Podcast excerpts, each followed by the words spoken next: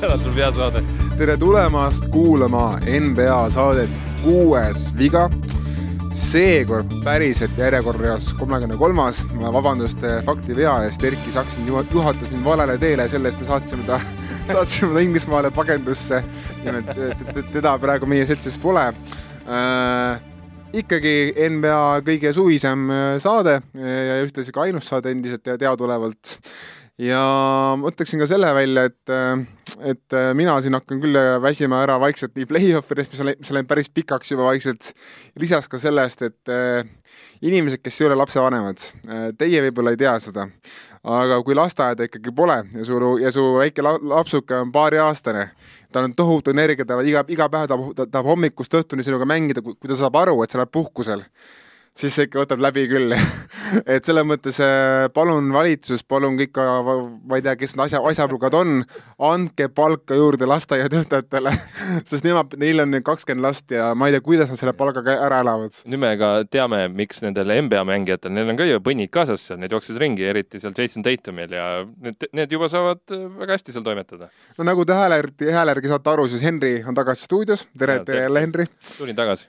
on ka Argo sa ei öelnud, nüüd, nüüd ei öelnud välja enam nagu ma mõtlesin, mõtlesin, millal ma teen selle AK-ks, et tuleb Andrei Kirilenko. hooaja lõpus sa oled päris kiireks ikka saanud juba. jah ja, ja siis olen ka mina ja tõesti Erkit seekord pole ja pole ka Sander Õigust ega Genkat ega kedagi kolmandat-neljandat. aga täname kõiki, kes meil külalised on käinud, et see on tuld andnud tiibadesse, et niisugust värskust natukene, et teised vaatenurgad, asjad, et ja kirjutatakse meile palju, väga, kõiki tuleb kiita selles mõttes ma arvan, et suvisel ajal on veel lihtsam, sellepärast siis me enam ei räägi siin nii-öelda süva NBA juttu või me räägime nii-öelda laiemalt, eks me tõenäoliselt natukene ka vähendame seda regulaarsust, päris ei iga... no me teeme ikkagi peale draft'i teeme pausi ära, kui on yeah. kõik selge siin ja, ja siis hakkame kogunema oluliselt harvemini, kui, kui on millestki rääkida nagu, et kui on midagi pommi, eks siis tuleb kokku tulla ja analüüsida, aga, aga no kord kuus ikka minimaalselt võib-olla las leiame selle, selle aja. peame, peame valmistama suvise pettumuse, et rannas ei saa nagu kuues viga peas peesitada.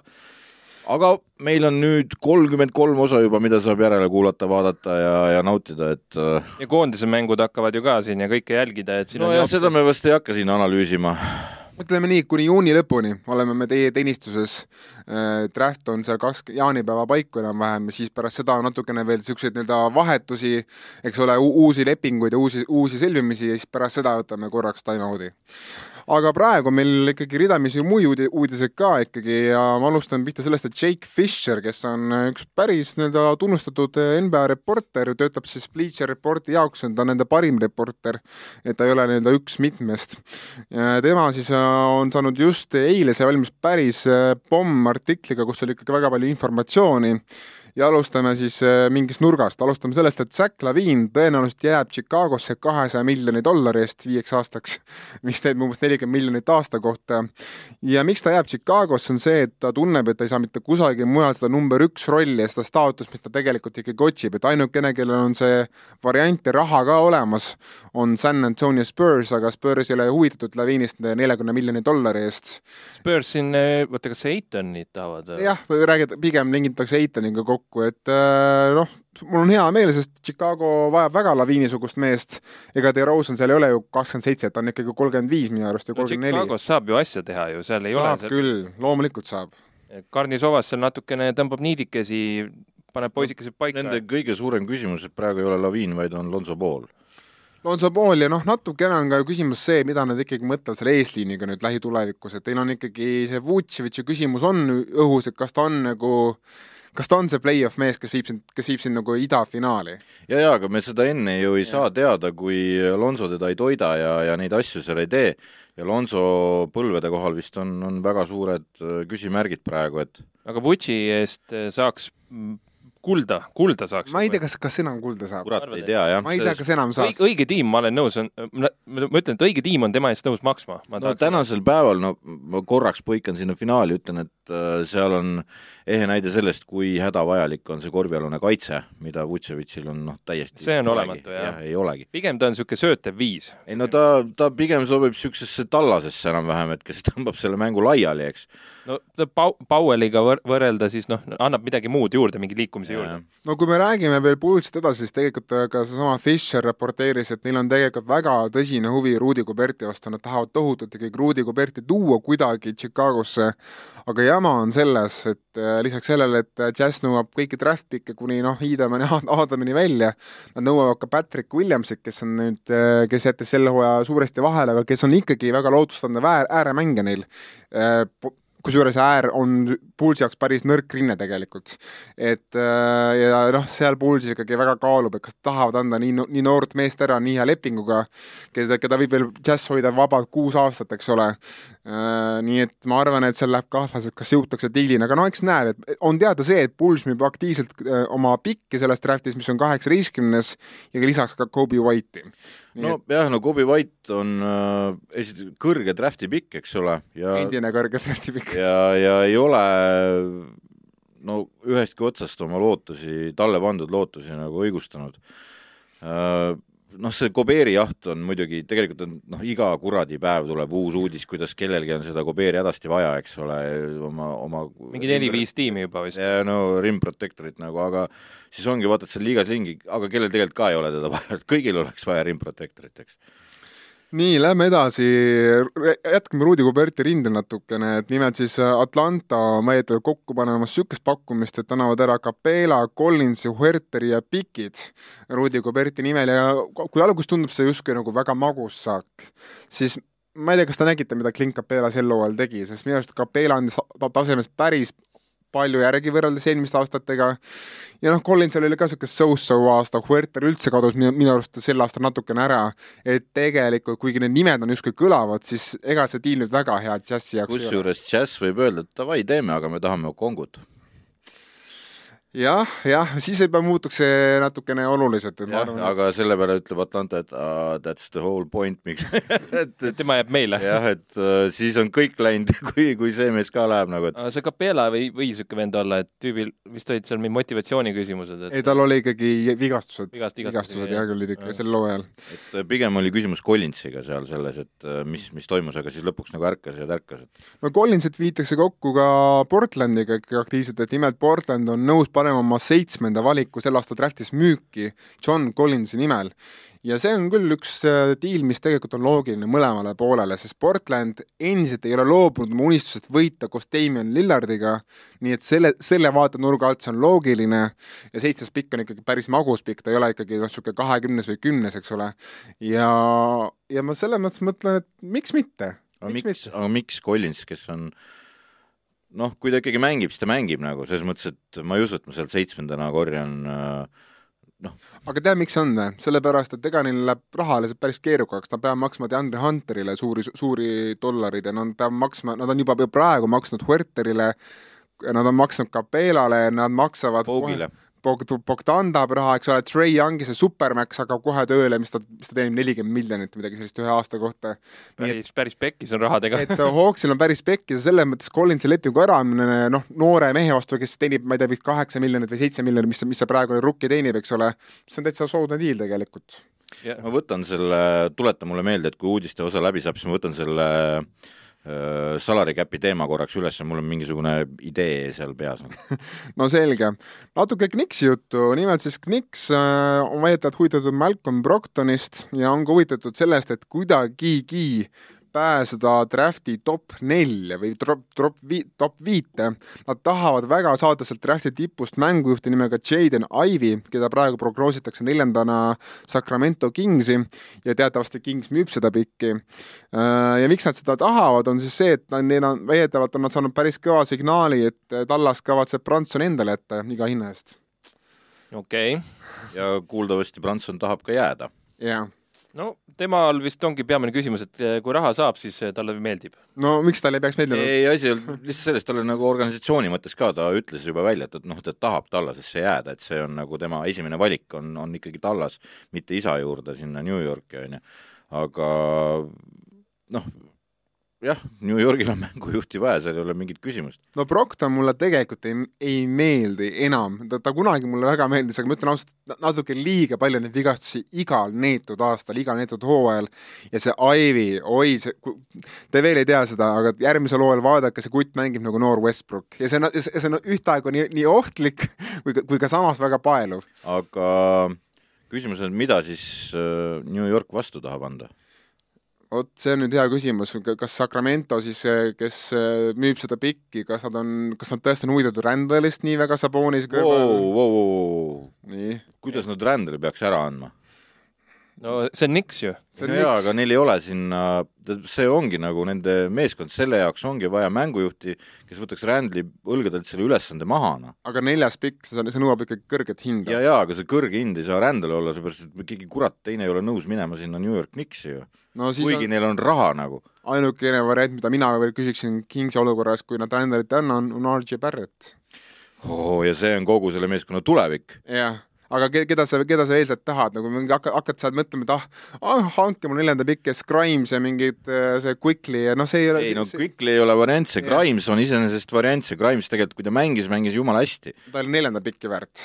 aga ta ei ole neljandat pikki väärt, et ega see äh, Robinson pluss mingid lülid ei saaks Robinson, noh, Mitchell, eks ole, Mitchell Robinson on, on nagu üks asi, mis on täitsa variant, et saaks Saboni nelja peale ära liigutada ja ja kasutada, see on nagu päris hirmuäratav äh, meesterahvas seal nagu, et tal on ka vaja seda tervet hooaega saada. aga Robinson, kas ta pole mitte unrestricted vaba agent või? Äh, jään võrstus võlgu. vot jään ka võlgu, aga ma ei usu, et teda minema lastakse, see ei oleks, tegelikult kui ta oleks unrestricted vaba agent, seda, seal oleks nagu jõhkralt äh, kosilasi kaelas ja selle venna hind läheb ülesse, aga tema põhiõnnetus on see pidevad vigastused, noh ja, mis, see vend on rohkem katki kui tervena. see hoiab teda hetkel veel ka soodsana, aga ta ilmselt makstakse kinni nagunii. ma arvan, et ta saab selle, mida ta tahab, eks Suur,. suured mehed saavad raha kätte. ja, ja see suvi kindlasti nii, sellega, senikaua kui ma otsin infot Robinsoni lepingu kohta, siis äh, ma annan teile veel siin paar niisugust väikest nuggetit kätte, nimelt siis Mavericks ja Warriors on müümas mõlemad oma draft pick'e. jah, see on see raha teema, eks ole. jah, see, noh, seesama raha teema, mis tegelikult Atlantal on ka kummitab vaikselt. ja Utah Jazzi treeneri otsingud on noh, väidetavalt ikkagi jõudmas sinnamaani, et tõenäoliselt see valik hakkab, hakkab vaikselt kujunema siis äh, praeguse abiteeneri Alex Jenseni ja siis Knicksi abitreeneri Johnny Bryanti vahel, et või need on kaks nime, mis on nagu enim nagu kuidagi jäänud kõlama, kuigi ei ole välistatud ka mingi üllataja veel. nii et äh, alles praegu hakkab see teine, teine raund algama, esimene raund oli vist mingi kakskümmend nime, mis just, et äh, alguses oli, korjati kokku kõik maailma nimed ja seal oli isegi The Jet oli see, see, see Terry, Jason Terry oli ka seal sees. aga see Jensen iseenesest on juba juhendanud seda meeskonda, kui oli Covidiga väljas siin ju. jah, oli, oli. Snyder ja, ja, ja Jensen peaks ka Jazzi juhendama igal juhul äh, suveliigas, nii et selles ja. mõttes. ja aga ma tahaks küsida, et kuhu D'Antoni näiteks kadus?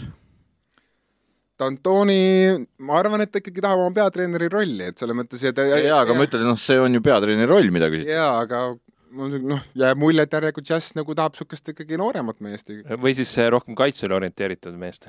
seal on ka see küsimus, et kui see Jensen saab, on ju, siis nad justkui jätkavad tõenäoliselt seda teekonda, mida see Snyder on seal sisse tallanud, eks äh,? jah, seda ei ütleks ja, küll, jah, pigem ja. küll et mängivad endiselt oma keerulist korvpalli edasi, et äh, jah, ja see džäss on tegelikult natuke müsteerium minu jaoks, et nad teevad liiga palju äh, neid liigutusi korraga, et on see peatreeneri teema, Goberti teema, Mitchell'i teema, justkui kõik oleks nagu paigas, aga justkui kõik ei ole paigas. aga samas nagu kas, kas, kas see ei ole ainukene variant tegelikult, kui sul on nagu läinud play-off ikkagi mitu aastat järjest pekki. tuleb, tuleb teha. sa pead, sa pead tegutsema. ei no see on nagu New York freaking Knicks nagu, et iga suvi kõik on müügiks ja kõik vahetame välja ja, ja siis, kui hooaeg algab, on ikka kõik samamoodi, sest keegi seda sitta ei taha nagu. hooaja alguses ma ei arvanud, et tähendab, me teadsime, et Jazzil on make or break, aga et me oleme selles situatsioonis, see tundub ikkagi natuke ülla-. kus on break? Noh? kus on break, eks, et üll-, üllatav on ikka natuke noh, et ma, ma mõtlesin, see tuleb plahvatus tuleb suurem, aga nüüd on nii, et kohe tuleb plahvatus, aga nüüd ta vindub niimoodi rahulikult, nii et jah, siin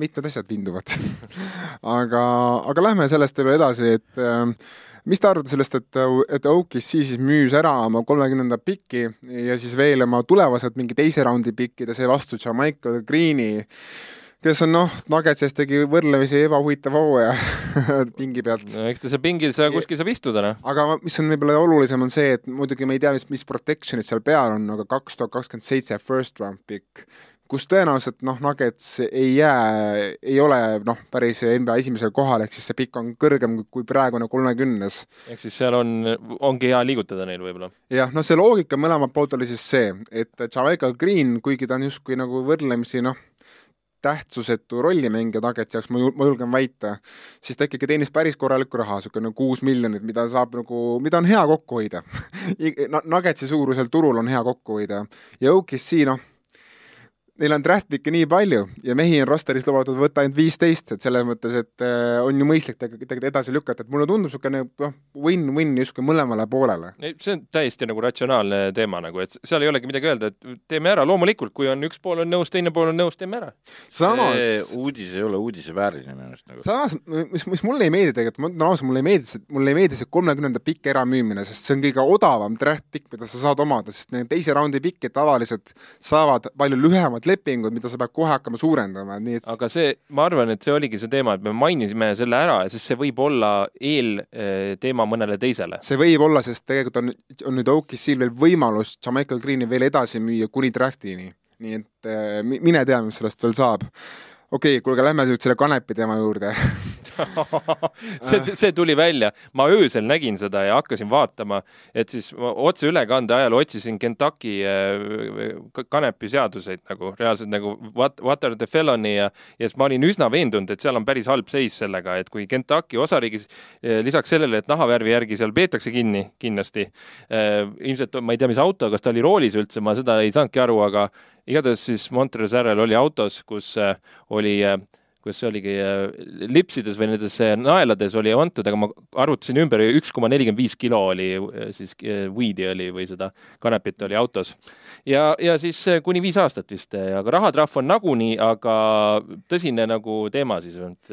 jah et ei Montres härra, mis ta palka saab, ta on ju mingi jõhkra palga otsas. ei, ta nüüd nii jõhkra palga peal ei ole, et ta saab see kahekohalise summa saab kätte jah, aga ta ei ole nüüd nii jõhkra palga peal, aga aga Harreliga pigem see, et noh, loodan, et tal on hea advokaat, sellepärast et. Eh, no tal peaks olema raha, et maksta väga heale advokaadile raha, aga selles mõttes, et tavaliselt niisugused asjad võivad sind nagu panna NBA-st nagu blacklist'i, sest kui sa oled nii rumala asjaga vahele, siis ega NBA need kõik need, kes on need skaudid ja front office inimesed, nemad vaatavad need asjad üksi, üksi pulgi läbi, kui nad näevad, et, et inimene on vastutustundetu ja, ja noh, inimene ei ole see, kelle peale saab loota, siis tal on ju niigi neid teemasid all seal juba ju seal, mis ta seal noh, seal ta, ta, tagaruumides seal jamasid keerab üles kogu aeg Ja. mängumees on hea, aga noh, siit ei tule vist midagi. see, see, see, see, sa juba teadsid, et tuleb midagi niisugust ilmselt? ei no selles mõttes, et puur Hornets nagu et just said endale normaalse back-up'i ja siis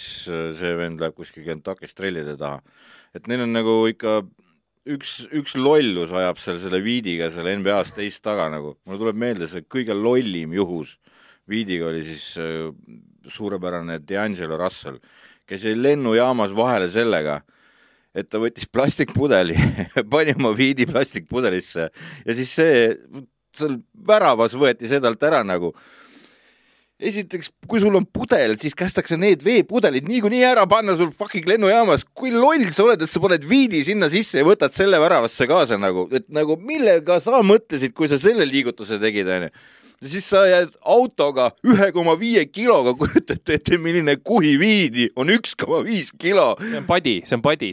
Nad olid, ma ei tea, kuradi ringe tegid vist või et nad nagu teenisid lisa, et palk on väike või et kellel või mis loom sa oled, et sa siukest kogust pead kaasas vedama nagu, mis torud neil meestel suus on nagu la-la-la, kuradi täiesti absurdne, noh. mis teil mehed viga on, te teenite kuradi kümneid miljoneid dollareid ja siis sõidad kuradi viidi hunnikuga mööda linna ringi, kus seda olla ei tohi nagu. adrekat on vähe või?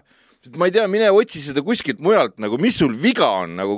teine asi on see, et sa teenid nii palju raha, onju, ise läksid kellegi juurde järele või? kuradi Kolumbiast tulid selle autoga või? mis sul viga on nagu, lammas oled või? istu kodus, tuuakse koju ära, noh, kõik on normaalne. ei no ma juba, kui ma seda uudist lugesin, ma kujutasin ette, vend oli mu Cadillac'i sangas, siis kuradi viidikuhi oli kuradi kõrvalistme peal onju. toru otsa pidi suus noh. täiesti lambad, no täiesti lambad kuradi oh!. ma olen nii õnnelik, et see näit tuli, ma olen nii õnnelik. selles mõttes, et kui palju tööd on keegi pidanud, eriti Montres Harreli sugune inimene tegema, et jõuda sinna, kus ta on, onju. ja siis sa mingisuguse ühe viidikuhjaga keerad kõik peesse põhimõtteliselt, mis sa teinud oled. tüüp ajas osariigid sassi, vaata Clippersi päevil võis siukest pulli teha, noh. kuradi, seal ei ole vahet, Hendrik, kus osariigis sa oled, see ei ole normaalne käitumine sellise no, mängi poolt niikuinii no ega sellega noh, Hornetsi murred ei ole peatunud, sest ka Miles Bridges jäi, jäi Instagramis mingi story'ga vahele, kus ta siis äh, tegi mingisugust veeldatud äh, narkootikumi ja siis ta tegi, pani, postitas selle Insta, Instagrami story'sse. tal oli mingi naise teema ka ju. kusjuures mees tahab saada suvel nüüd Max lepingut no goodbye Max leping noh no ei tea. kõige hullem on nagu see, et kui ta sealt Kentuckis vahele jäi sellega, eks ja, ja ta seal läheb kohtu alla nüüd, siis äh, sõltub, need, koht, sõltub kohtunikust. seal või, võidakse teha nagu see märter temast, et vaadake. esimene asi, mis üritatakse teha, et vahetame seda Sinnerit, et kus see kohtukaasus tehakse, et see on ju see vilunud advokaatide teema. ja, ja aga seal on nagu see küsimus, et nad võivad tahta just meelega teha. no Kentuckis ju, no ärme seda rassiteemat ava, aga see, seal on see probleem. Kas me, kas me ütleme seda, et ei ole või ei ole, aga tegelikult on, eks ju. Et seal peeti mees kinni, ilmselt ei tea ka nad NBA-st midagi, need politseinikud, kes seal kinni pidasid. So you play for the NBA boy. What is this? You have a lot of weed man. Oh, no positiivsed, positiivsed uudised ka Hornetsi fännidele, nimelt siis lõpuks Jordan tegi koos asjapõlkadega otsuse ära. viiekümne viie aastane Kenny Atkinson pääseb sealt Warriorsi pingelt pärast seda finaali ja läheb siis seda Hornetsi noort probleemset Mannschafti juhendama. Äh, Atkinson on, on põneva taustaga mees, et tegelikult mees tuli NBA-sse ju Mike Budenholzeri tegelikult sellesse abitreenerite nimekirjas, kus lisaks temale oli veel tol, tol hetkel ka niisuguse mehe nagu Taylor Jenkins, Quinn Snyder sihuke, sihuke armee oli Atkinsonil, Budenholzer oli pingi peal, et äh, kolm väga head meest, kellest kaks on aktiivsed peatreenerid kohe ja üks noh, vaatame aasta pärast, mis saab, eks ole et.... aga siin on nagu aga ka tegelikult üleval, eks ole. ütleme, et äh, ta tegi päris head tööd Netsis mänguliselt, kui sa vaatad.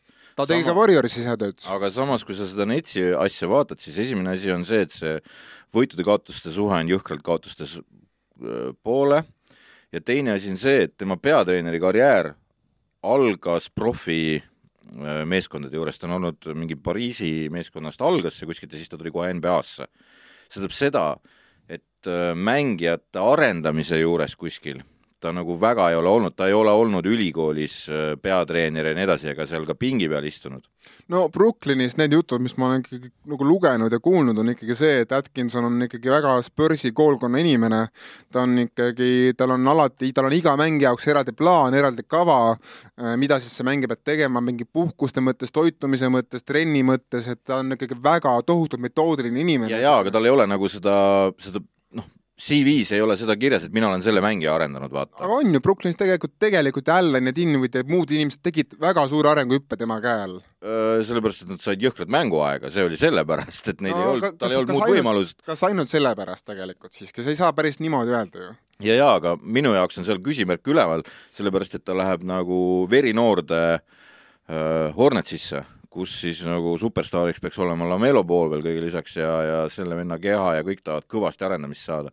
et, et kui kõva mees ta selles on ja Kenny Atkinsoni see mängustiil ja kõik see mulle suurepäraselt sobib, see pluss veel, noh, nüüd on muidugi see häda, et tal on vaja leida korralik viis sinna. no see ei ole tema, see on, see on mänedžeri töö. ja, ja aga ja. talle on vaja sinna korralik viis leida, sellepärast et ühe ja viie suudab see mees jumala hästi omavahel mängima panna et äh, noh, üks ja viis klassika, eks ole, et kui sul need asjad korras on, siis äh, noh, klassikaline korvpall, et siis ülejäänud on savi seal, aga tal on seal savina on veel Bridges vahepeal ja Hayward ja ja nii edasi, et äh, see võiks nagu toimida. aga kui hea kasvataja ta on? No Atkinsoni roll Warrioris on, on siis see, et tema on olnud see abitreener, kes on nii-öelda vahendaja siis äh, kõiksugu nendest MIT-dest ja Harvardidest tulnud äh, analüütikakurude vahel ja siis treenerite vahel. tema, tema on see vahelüli, kes siis nii-öelda sünteesib need, see kogu selle targa andmestiku äh, treeneritele ja mängijatele arusaadavaks sisuks, et ta, ta, ta see, see ei ole väike probleem muidu, mida lahendada, see on päris raske. no Steve Kerr ütles ise ka, et pärast eelm-, pärast viimast noh, kolme-kahte hooaega ta, ta tundis, et ta nagu hakkab maha jääma sellest nagu analüütika rongist, et ta nagu jah, ei jaksa lihtsalt sammu pidada selle rongiga, ta, tal ei ole seda nagu tahtmist ja ta ise ütles ka, et ta, ma, ta, ma lihtsalt ei ole piisavalt tark selle jaoks, et ma ei saa, ma ei saa kõigist nendest numbritest aru.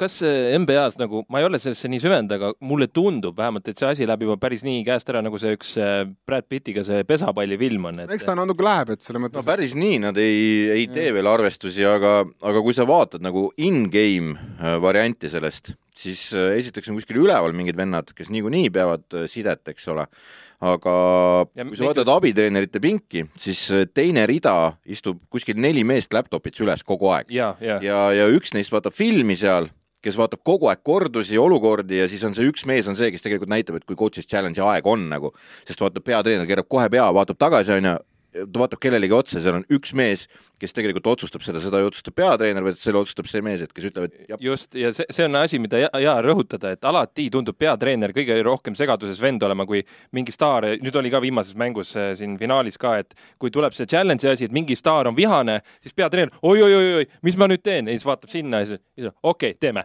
eks ju. ja, aga see on, samas on ka olnud päris mitu olukorda, kus see vend ütleb, et no onju. ja, ja kordus näitab ka, et no, et aga ei olnud, ei võta, ei võta, siis ongi, siis, siis on mängija nagu hullult pissed off, et võtke, võtke, onju. aga noh, sealt tagant mees näitab, et kõik on õige, et nii oligi no sõltub ka ajaliselt, ma mõtlen seda, kui poolteist minti on lõpuni, siis sa võid ju selle ära raisata põhimõtteliselt. ei no ma just olen, ma olen näinud küll neid Udoka osasid nagu neid challenge'e, kus ta lihtsalt võtab sellepärast, et Teitam on mingi palun võta ja siis Udoka on lihtsalt hea küll. raiskame ära raiskame ära, jah jah, aga sellega uudised saavad otsa, üks on uudis on veel, nimelt siis eile sai äh, kümme aastat möödas sellest ajast, kui olid finaalis Miami Heat ja Oklahoma City Thunder. Ja tegelikult see see praegune finaal, ma hakkasin mõtlema, natuke meenutab mulle seda mingis mõttes, ma pära-, ma pärast jõuan selleni. nimelt siis äh, Russell Westbrook sai siis äh, Oklahoma City linna võtme ja lisaks äh, kohe avatakse ka temale uus sammas Oklahomas, nii et ta see... avas ise ka mingi väljaku või? ta avas ühe väljaku seal ja ta noh, andis ka mõista, et Oklahoma on ja jääb alati mu koduks, nii et noh mine tea, mis, kui see vend otsustab oma karjääri lõpuks lõpetada, äkki me ikkagi näeme ta Oklahomas veel mingis rollis, sest on näha, et isegi kui ta kuskil mujal armastust ei saa, võib-olla Washingtonis natukene, aga Oklahomas on ta alati kangelane, nii et äh, mul oli see lõpetuseks see äh, Warriorsist tuli vaata see vahepeal see signaal, et, et äh, kurat, miks me peame neid luksuri makse, neid asju maksma et need on meie oma kutid, keda me oleme arendanud nagu yeah, nullist peale, eks ole. Yeah.. ja siis tulebki minu küsimus, et mis te arvate, et kas, kas tegelikult peaks NBA selles suhtes midagi ette võtma äh,, aidates ka väikeste äh, turgude tiime sellega, et kui nemad on nagu arendanud välja mängija, et siis selle venna noh, reeglite järgi palk noh, tõuseb kogu aeg retsiks juba tänasel päeval, eks aga see ei lähe sinna luksuri kuidagi sellesse maksu sisse, et nad saaks hoida neid superstaare. Ardo, ma olen seda aastaid, aastaid rääkinud, ma olen seda... see aasta ei ole äh,. mul on lihtsalt mingi mitu NBA chati, kes Henri teab, et ma olen seda mingi kümme aastat jutti rääkinud, et palun, et okei okay,, ma saan aru, et on ebaaus, kui kokku kui see, kui selle noore mängija, kes on arendatud siis selles klubis, kui kogu tema palk ei lähe käppe arvestuse, see läheb võib-olla, võib-olla liialt retsiks. aga kas mingi protsent sellest, et nagu nelikümmend protsenti sellest palgast läheb sinna arvestusse, mitte, mitte võib-olla kõik, aga no nelikümmend protsenti, mina ise isiklikult olen välja mõelnud niimoodi, et see võiks olla niimoodi, et see on mäng, kes on kas alates rookie hooajast, kes on olnud undrafted, aga tuleb liigasse, ma ei tea, on kolm aastat olnud välismaal, aga tuleb siis nagu sinu klubisse ja jääb ka sinna, või siis on olnud kuni aasta teis-, mingi noh, rukina kusagil mujal, aga siis vahendatud sinu klubisse.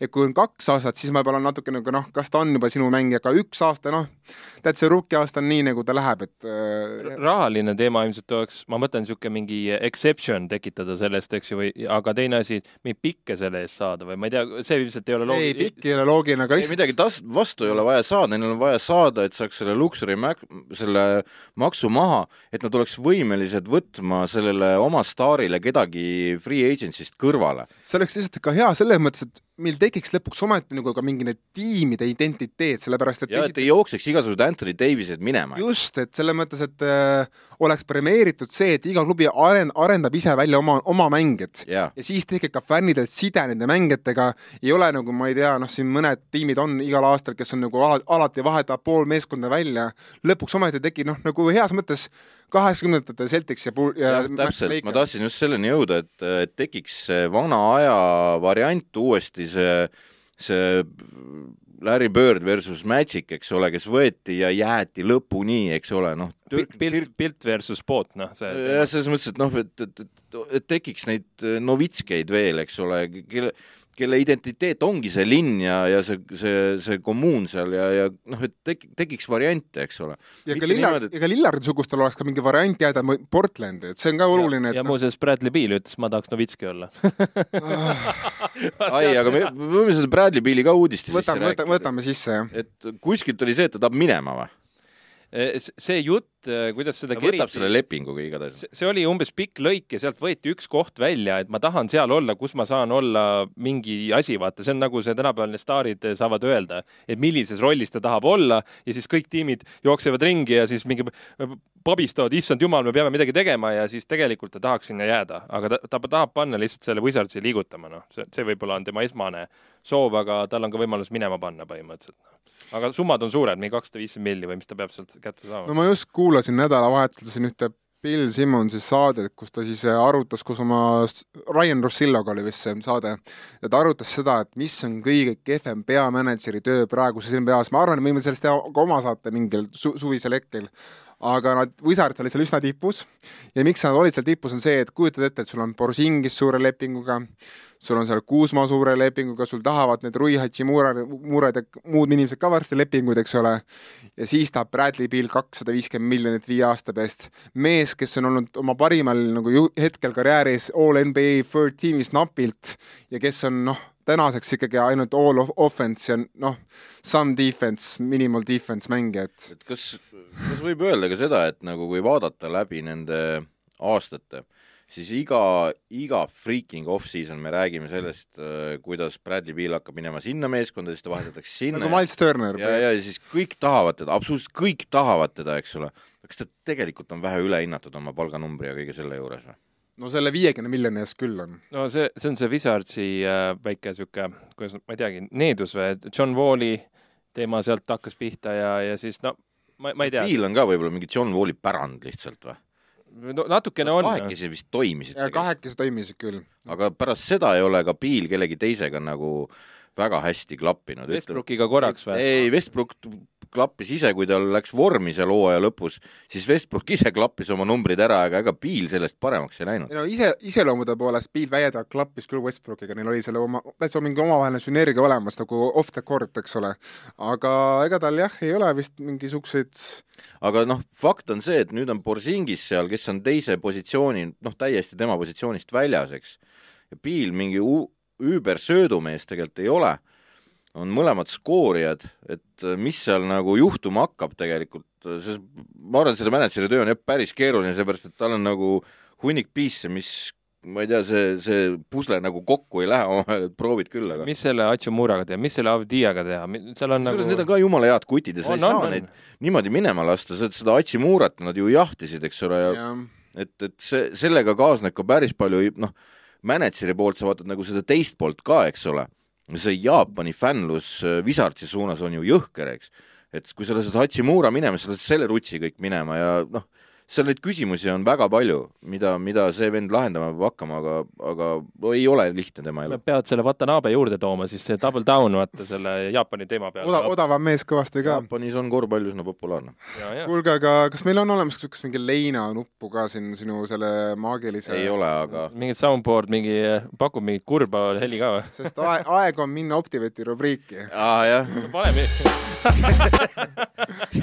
noh, see natukene, ma ei tea, kas päris lein see oli, see oli see liiga ei ole, see on see, kuidas me noh, ikka rõõmsa muusikasaatel jätad rahaga hüvasti. ei no kes, kes eelmist saadet kuulas, see ilmselt teab juba, kuhu jutt läheb, eks ju noh oli..., räägi siis, ega minul ei ole midagi siin öelda. mul ka valus ei, no, ei ole. ei no lihtne, tegelikult oli, mul oli mul oli kaks tuhat eurot ja nüüd on sellest kaks nulli vähem ja, ja ongi kõik selles mõttes, et. Sul on kakskümmend eurot nüüd. jah põhiline, ma kommenteerisin laivis seda mängu, vaatasin, kurat, see võit tuli ära, siis kirjutan, palju sul pappi on, ma vahetasin kell üks ära jah, sest ma ju, ma ju eelmises saates ütlesin ka, ma panen Bostoni peal selle raha ja siis ma mõtlesin, et no pagan võtaks, kas noh, kui, kui, kui, kui nüüd see üks tiim, kes suudab murda Boston Celticsi selle, selle mustri, et nad, nad ei kaota kunagi kaks mängu järjest, siis on see Warriors.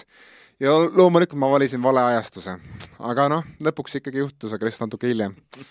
No ütleme nii, et täiesti saan sellest momendist aru, vaata, ma olen olnud selles olukorras, kus sa seal kell üks vaatad veel mingi mees, kellele antakse see day to day ja et kas ta mängib ja siis sa mõtled, kurat, tead, see mõjutab kõike, siis loed seal ka, et kuidas vendadel see lend läks ja ma ei tea, mingi nime no, ma lihtsalt mõtlesin seda, et noh, kui ma vaatasin seda Game kahte, ma vaatasin, vaatasin Spetšom, vaatasin eraldi Robert Williamsit ja mulle tundus, et see kutt hakkab jälle nagu lonkama, talle kuidagi jälle on niisugune stiff ta ei noh, ma ei tea, kas sellest mehest on asja game kolmeks, aga samas ma nägin juba siis, et kui Williams on platsil, on Celticsi seis hea, kui ta ei ole platsil, see asi hakkab lagunema päris kiiresti. ja et... selle jala pealt ma ka toetan, et mulle tundus kogu aeg, et tüübil on ikka tõsised piirangud peal. ja no siis vaata game kolme, kutt paneb mingi neli plokki ja mingi igal pool lendab ringi, siis mõtled, mis, mis pagana süste see mees jälle sai, noh. no see on meditsiini ime. Aldrich sai võib-olla no ma ei tea, ega noh, igatahes noh, siin on õpe-, õpetused tegelikult Ardo ja, ja Erki siin soovitas väga targalt, noh, Sander siin kihutas mind takka rohkem aga.... ei, see oli sinu otsus muuta öösel oma valik ja, ära nagu. ja see oli muidugi, ma mõtlen seda, et soovitasite panna pool raha, mitte. ja, ja aga siis ja see ja teine asi, usalda oma esimest instinkti. jah, no seda ma karjusin seal hommikul endale mitu korda ja siis naine ka mingi naised aitavad et äh, kes, no ma ei, ma isegi ei viitsi nii vanusena, me, tead, õnneks ma arvan, et mul on hea meel, et me teeme seda saadet täna sest kui ma oleks teinud seda saadet kolmapäeva hommikul, ma arvan, et ma oleks olnud vait siin pool tundi. Ja, ja siin muuseas ka öelda, et sel hetkel, kui me salvestame, just läks Golden State Warriors siis kolm-kaks juhtima asja ja nüüd läheb äh, asi Bostonisse, poisid lendavad praegu. Äh, oleks pidanud seda saate alguses ütlema. ja no, no lihtsalt, et oleks see kontekst teada, et ja, ja, ja tõenäoliselt järgmine saade me, me, mitte tõenäoliselt, me kindlasti teame, kes on meister ju. ja me kindlasti teame, et neliteist juuni on praegune kuupäev ja noh, järgmine päev, kui me saadet, saadet teeme, on kakskümmend üks juuni ja viimane mäng peaks olema pühapäeval või? Äh, esmaspäeval. esmaspäeva varahommik ja, ja seal oli, kava oli tehtud nii, et kui seitsmes mäng tuleb, siis Siimu ja mind pandi tanki ja siis esmaspäeval oled zombi jälle. noh, aga siis sa oled vähemalt no, selle elu pe-, elu no, siis on ikkagi elu parim mäng äkki ära nähtud ka. aa, võib-olla tõesti, sest et ja. seeria on väga lähedane, kõik statistikud no me kohe jõuame sinna, Ardo, kas sa oled Optivitis midagi teinud ka või? ei, ma ootan. okei okay,, Hendrik, kas sa oled midagi teinud? minul on see, et kui Warriors võidab, ma saan kolmkümmend kuus eurot aga praegu on Barranca või? panen Barranca rahulikult. täiesti nullis või? täiesti nullis. sente ka ei ole või? ei ole senti, täi-, ma olen puhas poiss või? ma saan ka midagi Warriorsi võidu pealt, ma saan vist mingi nelikümmend eurot midagi sellist, nii et äkki saame soti kamba peale kokku ja siis Siim paneb ka väikse juurde, vaata, ma ei tea, mis lõpp... temal, äkki Siimul on juba kuus tuhat eurot, ma ei tea ju. ei, no mul on ikka üle soti olemas praegu. noh, väga hea, näed. no aga ma võtan siis oma võib-olla teekonna kokku, et selles mõttes, et noh, ma ei tea, vahet pole, kas see Warriorsi pett õnnestub või mitte, et äh, oli väga meeleolukas hooaeg, aitäh Optivet selle, selle võimaluse eest. no lisab ju seda juurde. ja noh, tegelikult ma sain nagu noh, kui selles mõttes ma ise olin nagu loll, et andsin selle lubaduse välja, et oi, ma panustan nagu suure raha finaali, siis ma hakkasin seda tegema iga mäng, selles mõttes ma ise olin loll, eks ole, ma ei hakka kedagi teist süüdistama. aga selles mõttes, et äh, kui te tahate mind palgata ikkagi nagu soovitajana, siis siis siis ma olen, sest ma ikkagi tegin ei, väik, väikse raha suureks rahaks, et selles mõttes, et see ei olnud väike, see ei olnud, see ei olnud väike lend. siin on lihtne ütlus, sulle antakse sada eurot ja tee sellest kaks tuhat eurot. võtke välja, no tegi aga keegi võib mulle anda kaks tuhat, et ma sellest sada teeks, selles mõttes ei ole probleemi. ja noh, ega sul ei lähe kehvemini kui kõikidele Bitcoini inimestele praegu, nii et ah, ja muuseas, me siin just mõtlesimegi, et crypto.com Arena, et ega Lakersil see, see põhisponsor seal ei hakka kokku kuivama jah, ja teine, see ei ole mitte ainult nende põhisponsor, vaid see ilutseb ka mõne meeskonna särgi peal kõige lisaks, kes jah, ja Coinbase ju täna ütles, et kaheksateist protsenti tööjõudu peavad nad vähendama, et päris, päris tul-, tulised asjad, et et jah. Äh, läheb huvitavaks. Lähme, lähme finaali juurde. Lähme.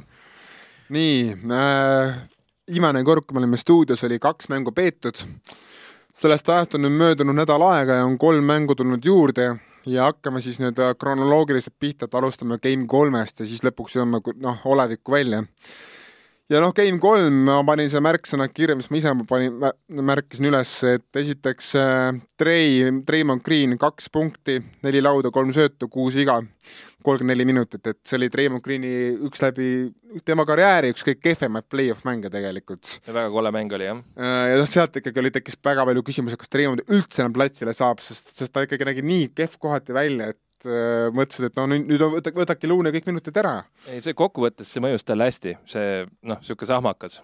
siis äh, Luuni, kusjuures selles Game kolmes ainult kuusteist minutit ja Curry ise ütles ka, et see oli tema suur viga, et ta unustas Luuni pingile, lihtsalt unustas ta pingile ja noh, ta on sellest õppust võtnud, sest Game neli ja Game viis on Luuni saanud palju rohkem minuteid. aga Bostoni poolt muidugi, mis oli nagu kaks märksõna, täielik dominants lauas kolmkümmend seitse ründelauda Warriorsi kolme mingi mis, mis kolmkümmend seitse, ühesõnaga. metsikult võeti ründelauda. metsikult ründelauda ja lisaks ka vabakaid saadi palju rohkem kui Warriorsi mehed, et selles mõttes, et äh, Boston täielikult domineeris seda mängu lauas. Robert Williams, nagu ma ütlesin, pani neli plokki ja kolm, kolm vahetlõiget ja kõike muud. ja üks märksõna, mida, mida me hakkame siin kordama ka järgmistes mängudes, on see, et Bostoni Pink viskas Game kolmes kakskümmend punkti, neist Grant Williams kümme ja Derek White seitse. ja Warriorsi pink oli suhteliselt kahvatu selles mängus. et seal ootad Peitonilt midagi või siis äh, noh, nendel Pool, Pool, eks, Pool eeskätt no,, jah? Pool oli seal ka suht, suht, suht kahvatu, aga kas, mis on teie märksõnad sellest mängust, kas te mäletate seda mängu äh, tänaseks Kol? kolmas mäng, et Bostoni dominants oli see, see mäng. ja, ja seal, seal oli see, et Curry ei saanud ka väga käima äh,, midagi vist näitas juba Thompson, et äh, jah, Thompson tuleb. natukene hakkas ärkama seal ja seal oli see, et nagu Ardo ütles ise, et ma lasen sul kohe võtta sõna, et et uh, Udoka teadis, et see kolmas veerand tuleb uh,, tuligi, aga, aga Celtics pidas vastu ja siis neljandal pani gaasi põhja. tegelikult nad, äh, ma vaatasin, nad hakkasid kahesajaga andma piitsa kohe algusest, et saada sedasama kolmanda veerandaja vahet sisse. sest et vahe, noh, lõpuks jäi ikka kolmanda veerandaja võidab alati Warriors, on ju, ja, ja nad said selle vahe sisse, Warriors mängis ju selle kinni uuesti ja mängis ennast ette aga siis oli keel nii vesti peal, et äh, kui tähele panite, nad olid mänginud, need vennad, täiesti surnuks seal. ja, ja neljandal veerandajal oli ju täiesti omadega läbi seal Curry ja, ja nii edasi, et see takkajärgi tarkusena me teamegi, et nüüd nad hoopis teistmoodi siin hakkavad mänge tegema. ei no seal oli ikka näha, kuidas ikkagi noh, ma ütlen julgelt, et see oli Williamsi üks kõige paremaid NBA mänge siiamaani üldse. jaa, aga peale seda mängu nagu tekkis ju kõigil nagu tunne ka, et okei okay,, et that's it vist. no Boston ongi niivõrd ja, suur ja niivõrd tugev ja atleetlik tiim, et siin polegi Warriors midagi teha, pool on täiesti ära kadunud, eks ole, ja juba kante tegelikult Warriorsi natukene hakati kantma maha, samas eks see nagu, eks tegelikult me kõik nägime, Treimondist algab see Warriorsi kaitse, see Warriorsi nagu noh, hingestatus, niisugune säde.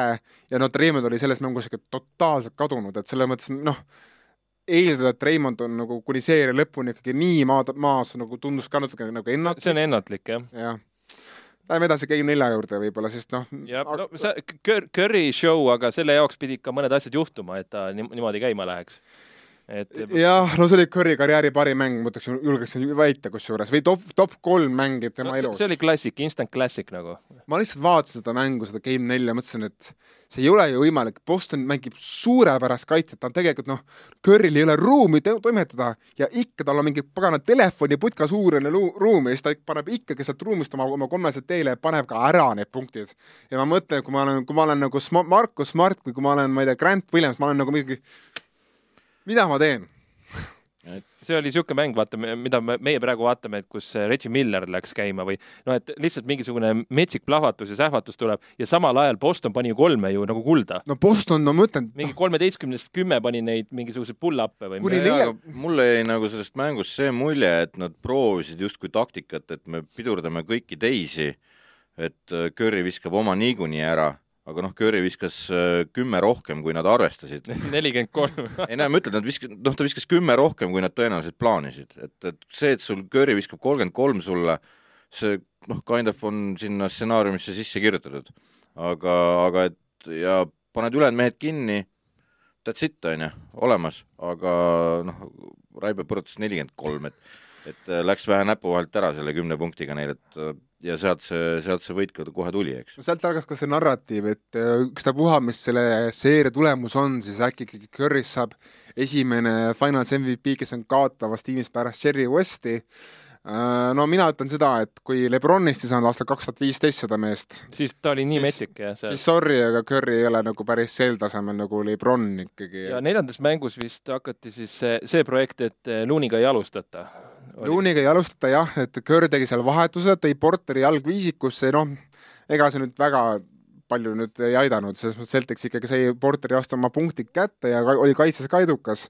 aga mis juhtus, oli ikkagi see, et mis oli seal nagu võtmehetk, neljas veerand, mängida kaheksa minutit, Warriorsi time-out ja mida teeb Steve Kerr, ta ei pane enam Treemondit sisse.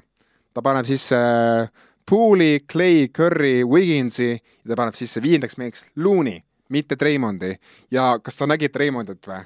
see mees oli maruvihane ta oli maruvihane Curry peale, aga ta noh, sealt tuli Gary Payton ja tuli Nemanja Bjelitša, ütles, kuule, et me oleme ka selles samas olukorras, et, et nagu mis sa no, nüüd tegelikult oli Curry, mida ta tegi, oli pigem see, et äh, kaitses sisse, rünnakul välja, kaitses sisse. seda tegi lõpus, täiesti lõpus. jah, et see oli see ja. taktika, eks siis, kui läks punkt punktiga andmiseks seal, et siis, siis ta nagu vahetas seda sisse-välja, sisse-välja. koos Jordan Poole'iga, jah. jah, et see äh, see toimis ju selles mõttes, et täiesti kasutu on ta rünnakul praegu nendele ma vaatasin selle, noh, selle Game kolme, aga tegelikult, tegelikult oli ikka Treemond, Treemondil ikka päris kehv Game neli, ta oli kaitses parem, aga ta oli ikkagi üsna kehv tegelikult. ja, ja selles mõttes, et ta ei ja tema pealt on äh, lihtne abi anda ju, selles mõttes, et sealt tuleb abimees ju puhtalt, sest see mees ei viska mitte midagi sisse, noh. et äh, täiesti nagu ta võib seal palliga vehkida ja seda sööta, no söödab siis, ma panen abi sealt tema pealt kohe, noh et ta ei julge korvi alla enam minna nagu ja, vanasti. ja ma vaatasin, kusjuures Betjom selle Game nelja järgselt üle ka, siis kaks tuhat kuusteist finaali, mis oli see täiesti eepiline finaal Warriorsi ja Cavaliersi vahel no Treimond ikka on ikka atleetlikult ikkagi kukkunud ka ikka omajagu, et ta ei ole ikkagi see mees, kes ta oli kaks tuhat kuusteist, kus ta oli noor mees, kes jõudis igale poole, nüüd sa vaatad praegu ja no ei ole, et ega kuule, Treimondi ema ütles ka, et, et ma ei tunne oma poega enam ära, et see on mingi kloon, et mina ei tea, kes seal platsil on, aga see ei ole minu poeg. nüüd ta selgelt valib neid sprinte, et ta, ta, ta tunnetab selle hetke ära, et kas ma nüüd ohverdan selle kopsu siin ära või mitte, eks ju. ja ometi, kuigi Treimondil oli kehv mäng, siis minut enne mängu lõppu mees purdib, Curry'le tehakse double trap seal lõpp, seal kõrgel, Curry annab Treimondile van, vana aja Warriorsi see, see set, eks ole. lihasmälu. Treimond spurdib kohe nagu vanasti ja õigel hetkel annab bounce söödu Loonile, kes paneb sisse kahesed, selles mõttes, et ikkagi üks kõige otsustav mängukorv, ikkagi, et Raymond on seal osaline. ja, ja see, kuidas Gold State leiab neid lihtsaid korve vahel, see lihtsalt niimoodi, pall tuleb niimoodi tuk-tuk-tuk-tuk, niimoodi tika-taka tuleb sinna ette, et äh, see on, see on fenomenaalne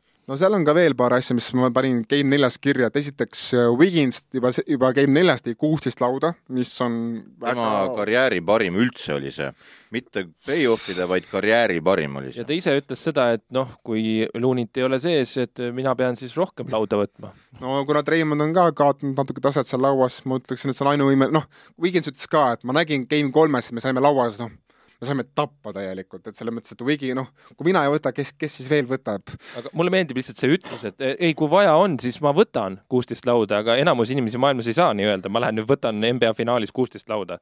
no seal on ka, ma vaatasin veel, et mis seal oligi, et noh, Looney tegi hea mängu, Gary Payton juba tegi natuke parema mängu ja, ja kusjuures ka Bjelica sai minuteid ja täitsa, täitsa okeilt kaitses pidas vastu, ei teinud midagi väga hullu. ja minu sõnum sellest neljandast mängust oli see, et äh, neljanda mänguga tegid nad Udoka töö hästi lihtsaks.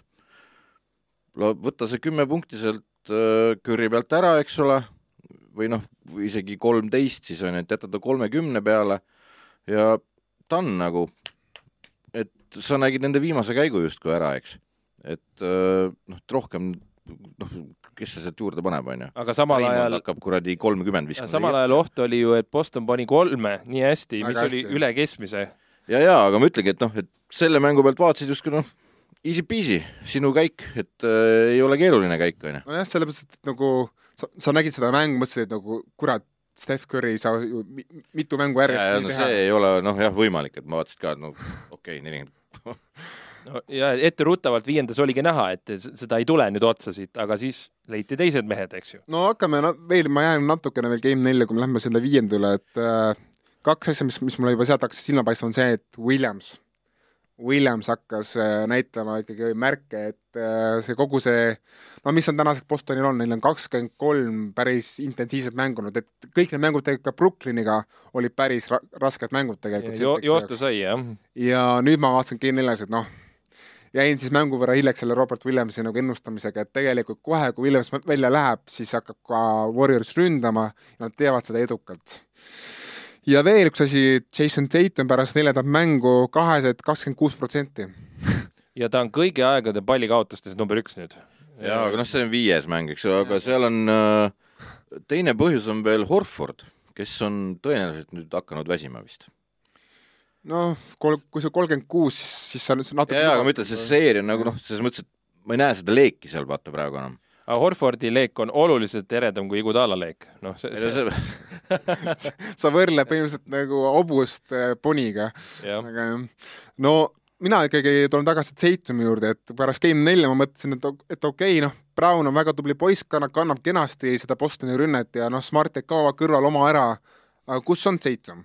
selles mõttes, et jah, ta, ta saab lõpuks kätte oma kakskümmend punkti, aga kui sa viskad kaheseid, ma ütlen uuesti, et tänapäeva kahesed NBA-s pole mingisugused mid-range kahesed, nad on suhteliselt lay-up'id korvi lähedalt, eks ole, nad ei ole kusagil mid-range vise, visked.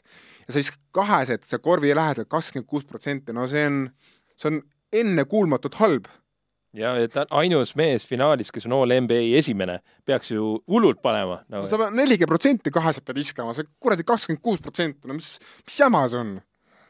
Et seal ütleme nii, et Daytomiga on, kas ta on iseendaga hakkama saanud oma peas või, või et on ka siin no, siin ongi nagu küsimus, et kas tal on ikkagi see, siis see nagu, no ma hakkan mõtlema, et noh, nii ras-, nii raske, kui see Dayton ei mängi ka seda oma, oma, oma korvpalli, siis nagu ta ei ole ju nii kehv mees, et ta viskab kaheksa, kakskümmend kuus protsenti selle Warriorsi kaitse vastu, noh, see Warriorsi kaitse on väga hea, aga ta ei ole nüüd nii hea.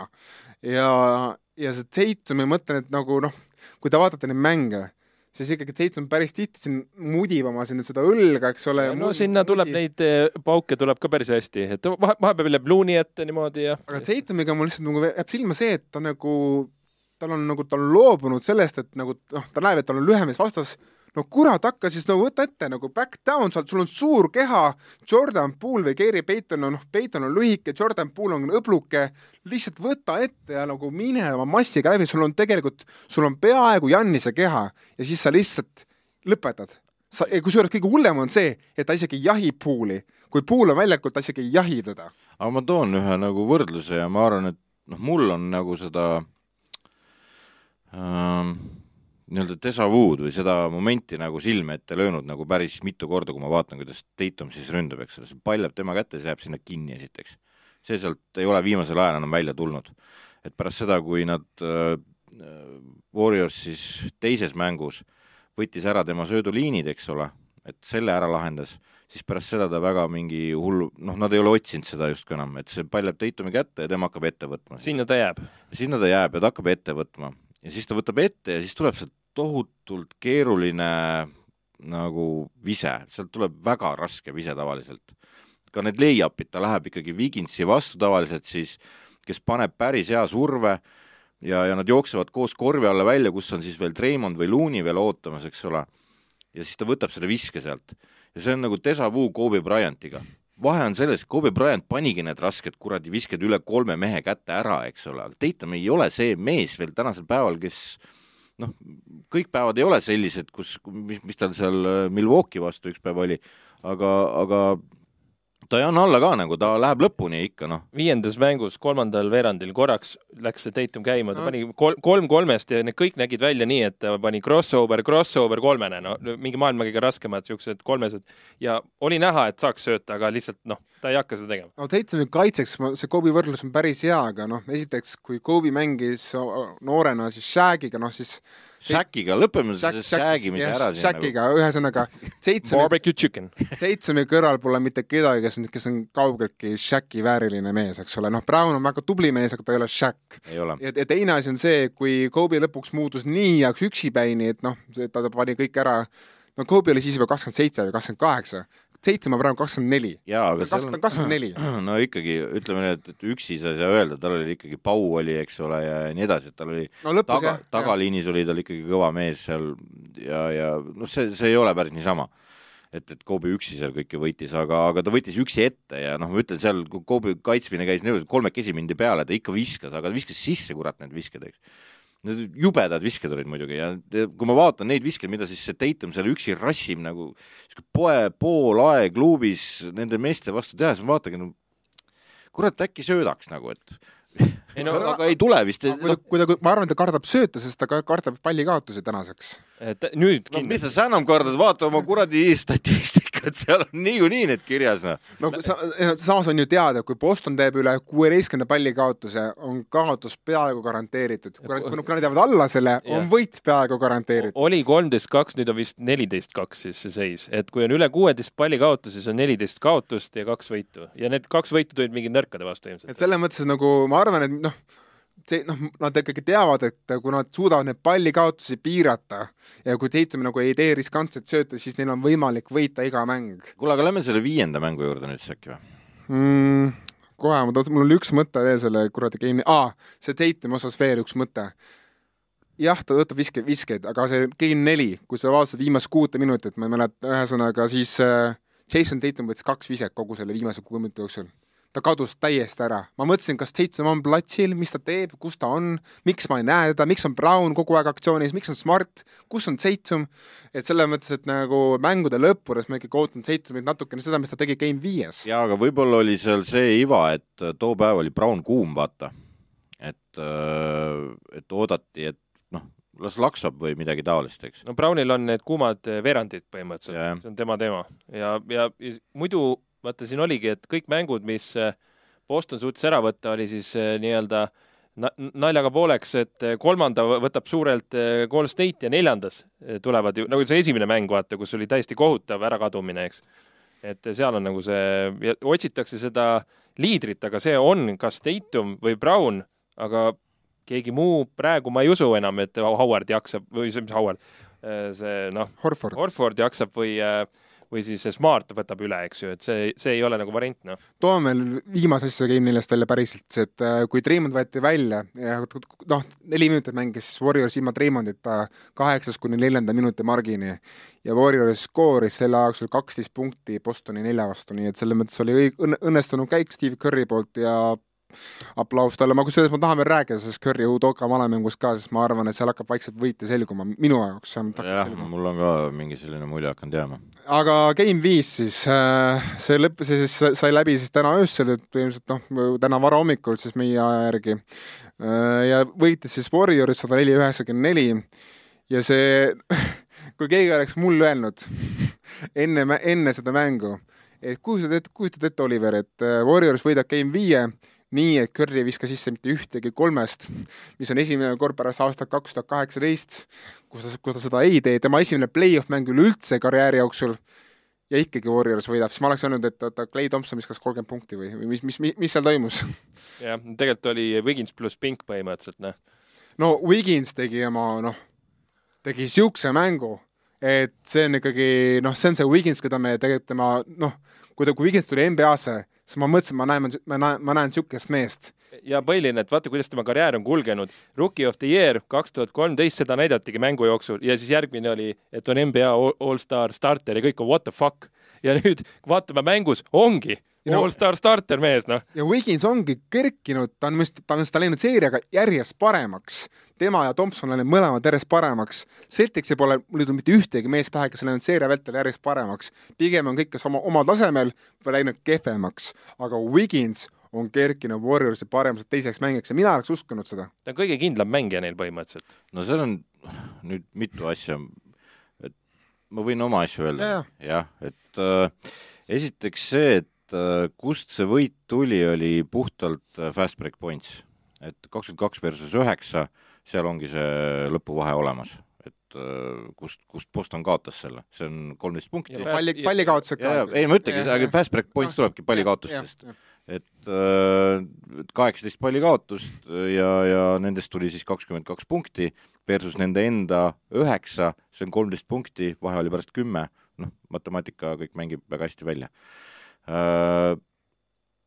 mis selle Viginsiga on, on see, et nad võtsid Curry ette nagu selgelt, et nad no ikka Curry sai niisugust kaitset, et Curry sai kõvasti kaitset ja see tekitaski Viginsile võimaluse nagu, tema külje peal tekkis oluliselt rohkem ruumi, sest Curry tuli äh, paremalt üle ja Vigins hoidis alati vasakule ja sealt oli äär suhteliselt tühi.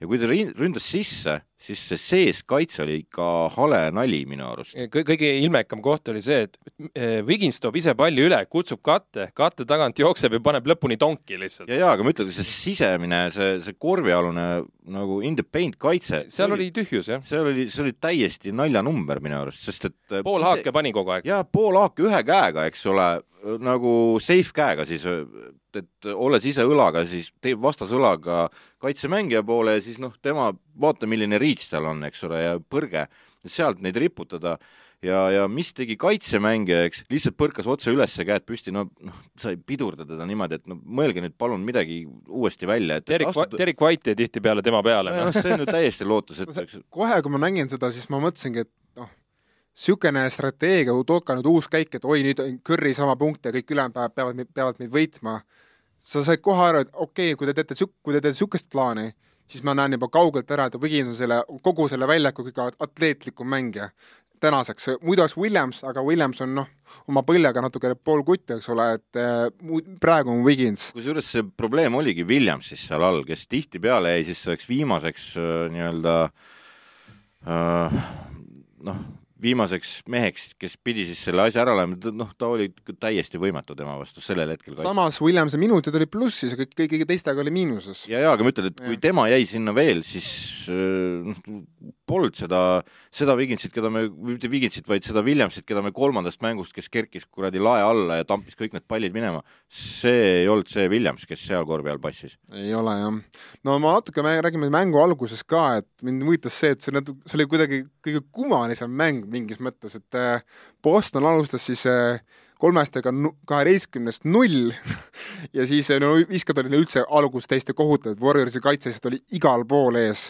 ja siis kolmas veerand hakkab pihta ja Boston paneb kaheksa kolmest jutti, sa mõtled, et oota, kumb see Boston on, kumb see Warriors on? kolmas veerand aeg. jah, et täiesti nagu rollid ümber vahetunud ja noh, mis ma ise vaatasin, oligi, et Tate pani järjest kolm kolmest sisse või kaks kolmest ja siis noh, tundus justkui, et Bostoni jaoks on nagu hakkab asja töötama, nad leiavad selle enesekindluse üles ja nagu on nagu äraspidine roll. ja siis time-out'ist tuleb äh, Gold State, äh, ärkab üles lihtsalt põhimõtteliselt nagu. mis oli valus, oli see ikkagi see, et äh, ma vaatasin kolmanda veerandi lõppu ja vaatasin, et okei okay,, Brownile Tatumil on keel veidike vestil. et selle ma tahtsin just selleni jõuda, et ma olen tähele pannud kogu selles seerias seda, et äh, jubedad minutid mäng,. mängu temp-, noh, mängu, kuidas öelda, temposid või asju jälgides, siis siis on jäänud mulje, et üks tõmbab natukene eest ära, eks ole, ja siis teine tuleb järgi. ja, ja kui ta jõuab järgi ja ütleme, see kõik on teisel poolaja lugu, on ju, siis see, kes järgi tuleb, sel, sellel on kett nii maas, et äh, see enam siis ei tee, noh, ta jõuab järgi, jõuab ühe punktiga võib-olla ette, tädi sitt nagu, siis on, vaatad, noh, vennad on no, no täiesti omadega läbi no.. mõlemad kolmkümmend, eh, seda me ei näe selles seerias, et näiteks, et Brown ja Tatum peaks mõlemad kolmkümmend, see, see on välistatud. see on peaaegu välistatud, aga, aga minu jaoks oli kõige, kõige nõmedam koht Bostoni vaatest oli see, et sa oled teinud head kaitsetööd kolm veerandit tegelikult, et sa oled Warriors olnud suhteliselt nagu noh, tagasihoidliku summa peal nagu, nagu nende kohta, eks ole, ja siis kolmanda veerandi lõpp, neli sekundit on mingi olukorra lõpuni ja siis tuleb see kuradi oma Jordan Poole jälle kusagilt välja ja paneb jälle oma pasarbiiter ära, sa lihtsalt mõtled, et oh.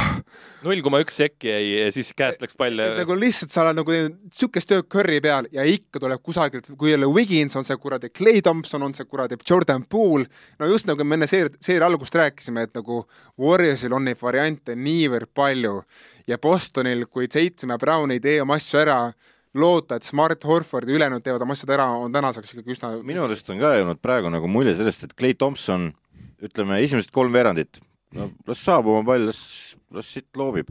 aga vaadake, et sellele vennale neljandal veerandil palli lase anda nagu, sest et siis tema oli ainus, kes seal kolme pani põhimõtteliselt. siis paneb see vend kõik asjad ära nagu, mis, mis on hädavajalikud nagu, et hoida meid elus, hoida meid ees, mis iganes, siis on Clay Thompsoni kord nagu ja ta paneb ära need asjad, ta, ta küsib rahulikult, terve päev paneb mööda, kõik läheb mööda, kodus tuli juba halva tujuga, kõik on kole maailm. Ja siis neljanda veerandil pall plärts, plärts kolmesed, eks ole. ja põhiline see, et kolmas veerand siis äh, põhimõtteliselt Boston tegi seda, et kolmkümmend viis, kakskümmend neli võitis selle, äh, pühkis selle esimese veerandi nagu äh, noh, mis nad maas olid, pühkisid selle ära. Ja siis tuleb neljanda veerandi see intervjuu. Ja Kerr ütleb, noh nad surusid kõvasti, aga me panime vastu ja nad, nad olid vist ühe punktiga ees peale seda pooli seda yeah.. me oleme seal, kus me peame olema no, sihuke enesekindlus, noh. mul on siin pooli kohta ka märksõna, et poolil on kuldse retriiver enesekindlus et, et selles mõttes, et seda kutti sihitakse armutult tegelikult,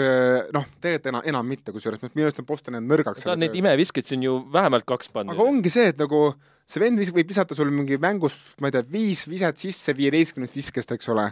ja see, aga mehe enesekindlus. Ei kao mitte, kui ta on nagu kuldne retriiver, et ah, läks mööda. Eks ma, eks ma lähen uuesti. Et, et mul on see Jordan Poole on hakanud meeldima, kuigi ta, ta minutid on vähenenud järjest, sest äh, Curry ei usalda teda kaitses, siiski see kutt alati tuleb platsile, sa mõtled, no nii kas me näeme nüüd kolme kolmest äh, kiirelt või me ei näe.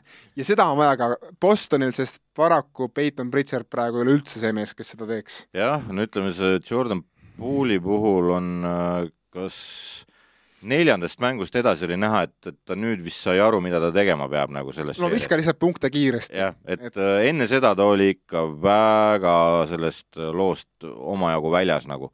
aga, aga siis neljandas mängus hakkas nägema, et ta vist ma ei tea, kas on olnud mingi one-on-one kellegiga, kes selgitas talle ära, et selles service'is sa pead noh, nii tegema. no noh, Martal öeldi ka, et mees, et Curry ei viska iga mäng nelikümmend kolm punkti, meil on vaja kedagi, kes rünnet natukene ohjaks, kui Curry natukene saab puhata, et iga minut, mis annad Curry'le, on võit meile. põhiline, et see oli vist esimene või teine veerand kuskil suht alguses, ma ütlesin, et no nii, pool tuleb, okei okay,, tellimus viisteist pluss punkti ja see mäng on võidetud ja siis kuskile sinnamaale ta tuligi sellega. no mul on veel siin veel paar märksõna, et Boston neljas veerand, nad said sisse kokku neli viset. kokku neli viset terve veerandi peale. Nad laksisid ju vabakad ka mööda veel. jah Nemad said nüüd selle neljanda veerandi, mis oli esimeses mängus äh, Gold State'il põhimõtteliselt ju. põhimõtteliselt küll jah. ja teine märksõna on siin see, et kui, kui me vaatame, kui me jätame eemale selle viimase minuti, mis oli nagu ma ei tea, kes, kes seal platsil olid lõpuks seal ma õnneks, õnneks seal tean juba neid mehi ka. ja aga ühesõnaga viimane minut jätame välja, siis äh, sellest mängust siis äh, Derek White ja Grant Williams äh, ja Peyton Pritchard kamba peale kokku sihuke tubli neli punkti. Ja Pool, Peyton ja kõik ülejäänud mehed tõid kokku üle kolmekümne punkti, et see pingi vahe tootluse vahe on ikkagi metsik olnud, et Derek ja Peyton oli hea. ja, ja mul on nüüd küsimus teile, kuhu on kadunud Grant Williams? jah, see on, ma ei tea. Sest mina, minu arust me nägime kusjuures tal oli peale, peale viskada oli ka vähe viimati ma nägin teda Paksi seerias, mul on niisugune tunne, et alates Miami seeria algusest ma nagu ei mäleta ühtegi niisugust ei, Miami, ei, ei, ta ikka kaitses nagu tegi tööd seal. aga ründas just. no jah, oma mingi paar nurga kolmest võtab ja aga kas tuleme seal, noh, ütle ka, Henri, ära ei no see Grant Williams, tal üks supermäng oli, eks ju, aga et äh, pikalt oli mees üldse kadunud ja siis see hooaeg tuli esile, aga nüüd me räägime NBA finaalist ikkagi. ja teine asi nüüd, äkki lähme selle treenerite male juurde või mm? -hmm. Lähme. no Sest mina ütlen, mina ütlen alguses selle, selle ära, et kui ma vaatan, kuidas time-out'e võtavad mehed, siis Kõrr teeb silmad ette Udokale. ta, ta alati teab, kui Boston paneb paar-kolmest sisse, kohe time-out, ei mingisugust run'i ei tule siit ma panen kohe selle piduri peale ja hakkame uuesti nullist pihta. Udoka minu arust kuidagi jääb natukene alati hiljaks. ja ta tuli ka toime väga hästi selle Looney kolme minutiga kolm viga eh, tuli Kerr väga hästi sellega toime nagu, et ta seal pidi, oli sunnitud mängima siis, mis ta Bielitsat pidi rohkem hakkama mängima, imeasju tegi, aga mäng oli kontrolli all kogu aeg. mis ma ise ütleks, noh, Udoka kiituseks, on see, et kui sa vaatad Golden State Warriorsi punktilisi tulemusi, siis kaitses on nad oma töö ju ära teinud, et äh, kõik on okei okay., et kuradi sada neli, noh, noh, sada seitse. see kõik on väga okei okay,, arvestades, et tegu on Golden State Warriorsiga, kes on harjunud play-off'is viskama sada seitseteist või sada neliteist või mis iganes, on ju, nad ei viska.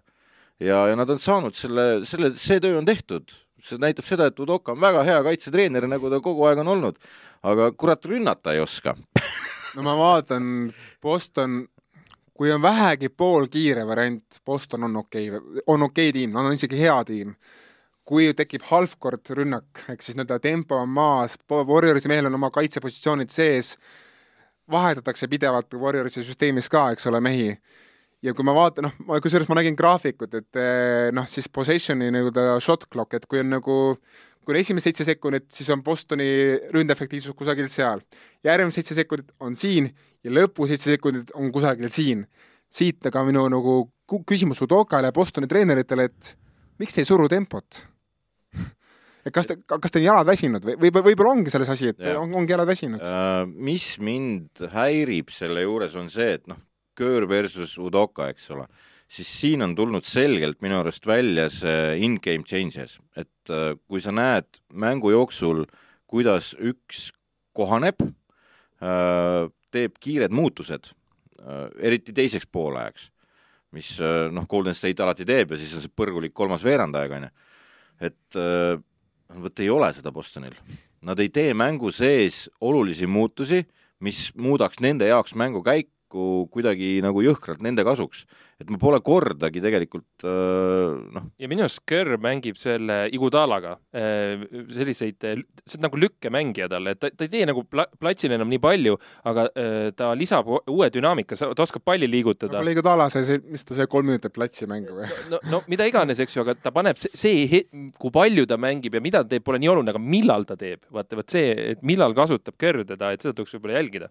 muidu kuulajad ei kuulnud, kui ma ütlesin siin ja siin ja siin, siis ma mõtlesin seda, et kohe, kui see nagu sekundid lähevad mööda, siis Bostoni ründeefektiivsus kukub täielikult kokku, et äh, kuulajatele ka, mitte ainult vaatajatele. ma ei usu tegelikult seda, et nad lõpuni suudaks äh, Golden State'i üle joosta füüsiliselt, sest et Golden State on päris heas füüsilises, mis jalgade töösse puutub, siis Curry't ja Clay'd sa üle ei jookse mitte kuidagi ja neid noori, noh, Peitoneid asju veel, noh, eriti, eks ole, et seal see pika-lühikese vahe, noh, see kõik ja aplausi võime ka arstidele teha, mis selle Clay Thompsoni jalaga on tehtud. no Peitoni käega ka, sest see mees, ma ei tea, kuidas ta platsil on.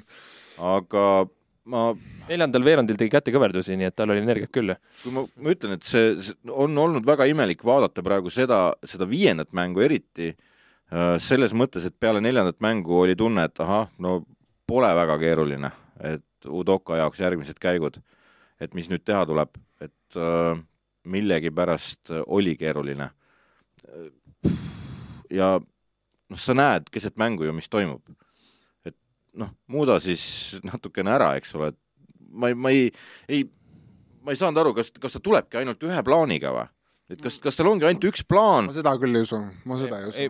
tal aga... kindlasti on lükkeid, aga seal, vot mängu selles kiiruses, see, see, tal, tal on neid situatsioone olnud palju, äh, ta on ju olnud abitreenerina finaalis isegi ja kõike näinud, aga ta ei ole peatreenerina olnud ja ta ei oska igal pool kohe seda no kuule, Steve Kerr on olnud mitu aastat finaalis sul, mingi, tal on, tal on see kuues kord. ta elab seal ta põhimõtteliselt, tal on, tal on see teine kodu.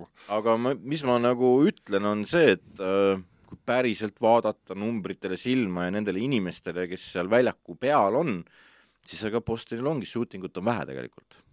jah, sest kui sa võtad seitsme ja Browni ära, siis noh, ma arvan, et iga tiim on hea meel, on väga hea meel, kui Markus Smart viskab kolmest neile, et palun väga, et kui Markus Smart võidab meid, siis noh, aplaus sulle, Markus Smart, aga nagu pff, meie elame selle tulemusega, et Derek White'i mingi hetk ka üle keskmise minu arust Horfordilt loodetakse neid kolmeseid. jah, aga nüüd ei, eileöine mäng on suurepärane näide, et äh, Horford pani kolmest kaks minu arust kolmesed ja that was it äh,. talle ei jõudnud pall. lihtsalt äh, see on stuck kahe mehe käes äh,. sealt see tagasi ei tule. Horford reaalselt seisab väljas, tekitab ruumi ja tema pealt pannakse abi, sest et see pall sinna niikuinii ei lähe. ja, ja olid ka mitmed situatsioonid, kus pall jõudis Horfordini, aga kõrvalt oli juba Brown, et anna ära, et siia tuleb pall. ja, ja panigi edasi selle asemel, et peale visata. et kui sul on niisugune mees nagu Al Horford ja ta tahab seal olla, ta tahab oma kuradi sõrmust saada, no lase tal siis visata, eriti kui ta kolmest kaks sulle paneb, juba selle mängu jooksul on pannud kolmest kaks. miks sa siis annad selle venna kätte, kes kurat kakskümmend kaks paneb üldse väljakult, eks ole aga äkki siin ongi hea hetk küsida, et mis siis kuuendas mängus Bostonis saama hakkab, kas ma just mõtlesin, et, et mis, mis, mis on nüüd siis äh, teie arvates need liigutused, mida nüüd siis tegelikult Boston tegema peab nende kahe viimase mängu näitel, et kodus vähemalt ära võtta ja viia seitsmendasse mängu, kus on siis juba kõik väga lahti. näeme mingit Tatumi neljakümmet või, või Horford läheb põlema jälle. no millise mängu pealt sa ütleksid, et Tatum nelikümmend paneb, noh? no see samamoodi nagu tegelikult, kui Curry'l see tuli, see neljak kolme sa ei oodanud ju sealt. Mina kusjuures, mina küll ootasin Curry't. ja ma, ma ka mõtlesin, et kurat, kolmkümmend kolm, kolmkümmend viis, küll ta noh, sa, kui sa lased tal mängida ja Steph Curry on ikkagi Steph NBA Curry. top kümme mängija. aga ta, ta ei ole nii hästi visanud seda kolme ja vabasi paneb mööda. jah, ja see, vot see on küll olnud, et vend on kaheksakümnetesse kukkunud äh, protsentidega, mis on äh, üüberhull, arvestades, et vend on seal kõrge üheksakümmend tavaliselt. Noh. liiga parimaid vabaviskajaid. jah, jah.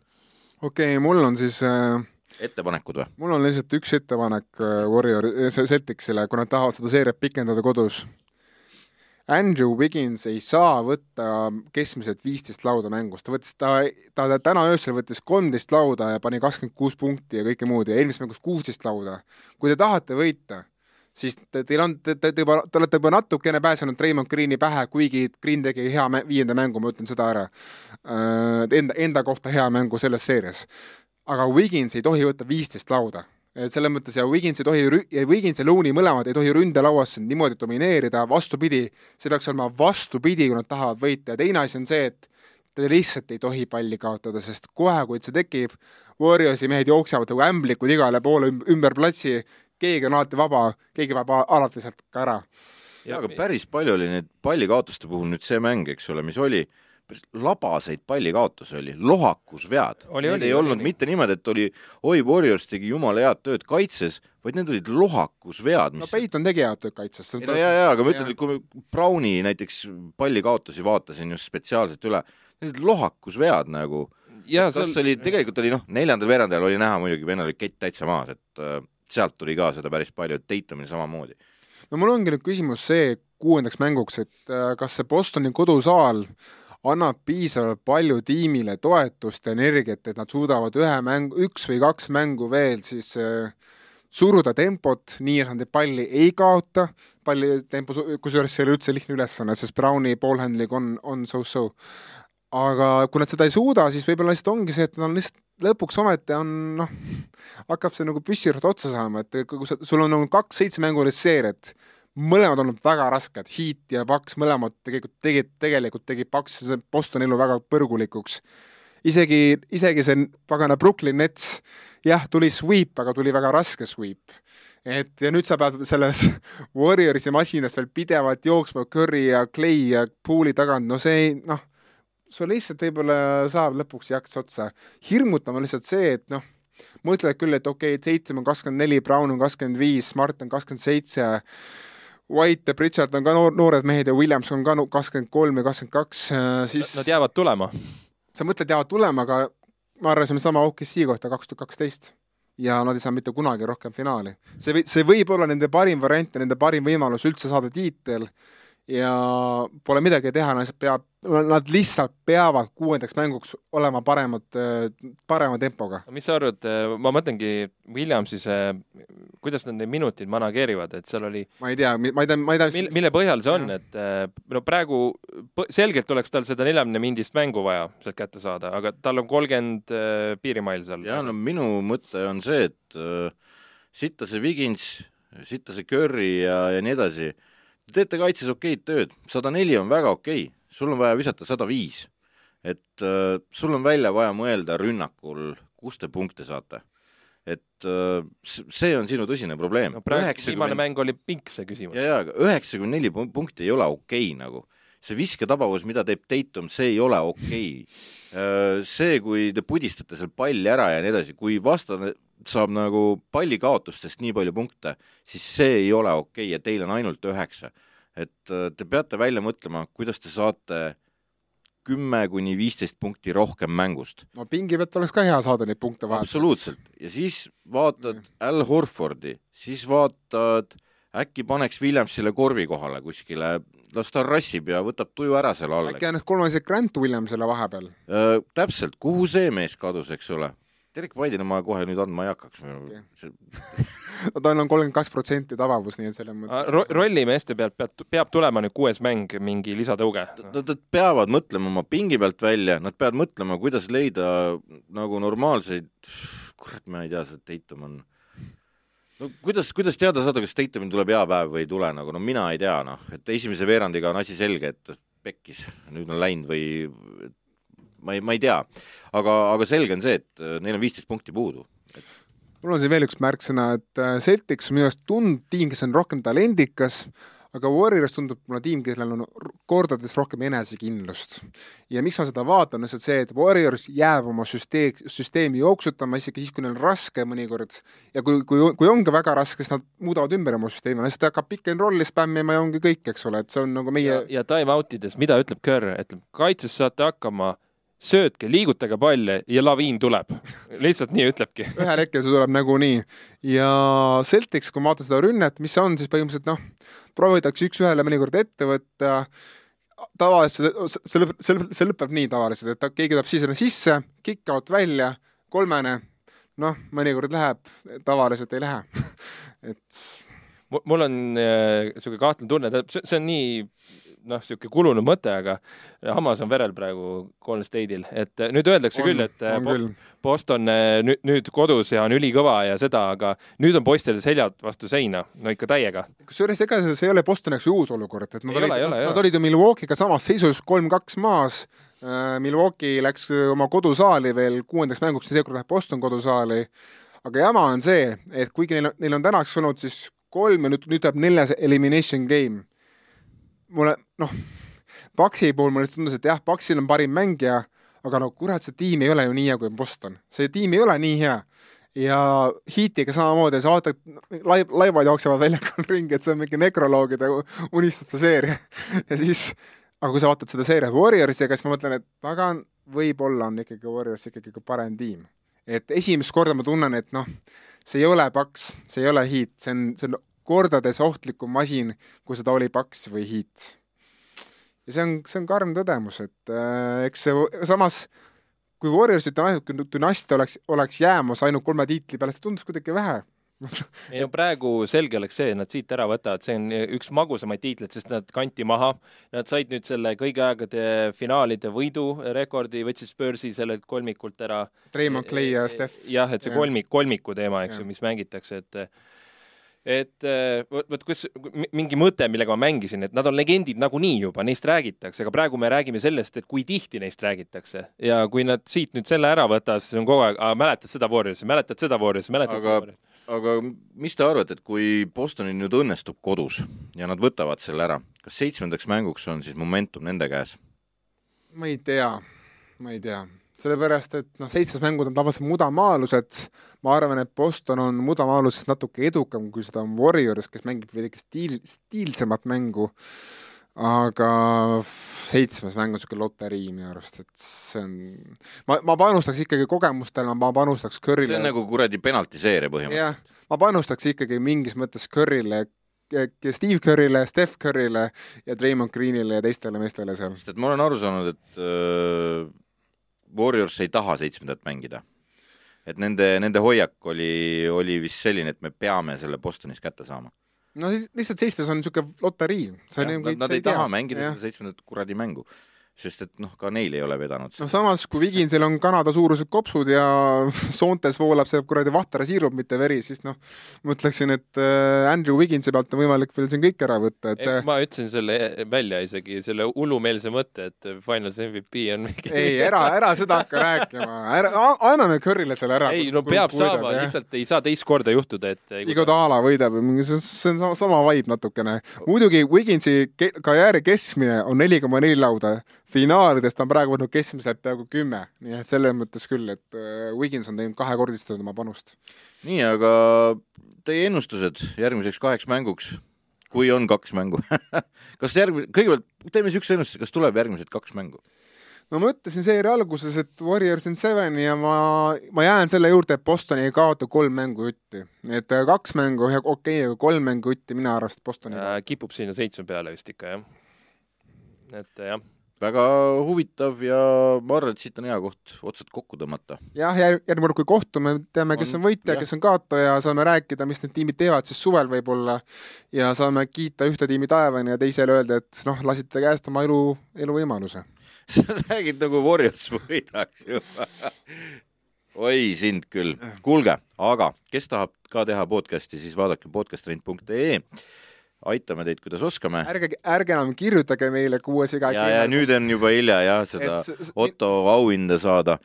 ja, aga kui teil on küsimusi meile, siis ükstapuha, mis teemal. mitte küsimusi, vaid, vaid ka ettepanekuid, kuidas seda kõike siin paremaks teha, siis jumala eest, kuues viga at gmail.com, me võtame kindlasti ette ja, ja eetris ka, ka räägime sellest äh,. aga muidu korvpalli kakskümmend neli EE on kindlasti see koht, kust vaadata oma korvpalliuudiseid, meie vaatame kõik sinna, teeme lehva-lehva ja järgmine kord, Erki, tšau, et tule sealt Londoni vanglast välja, mida sa täna seal lennujaamas välja teenisid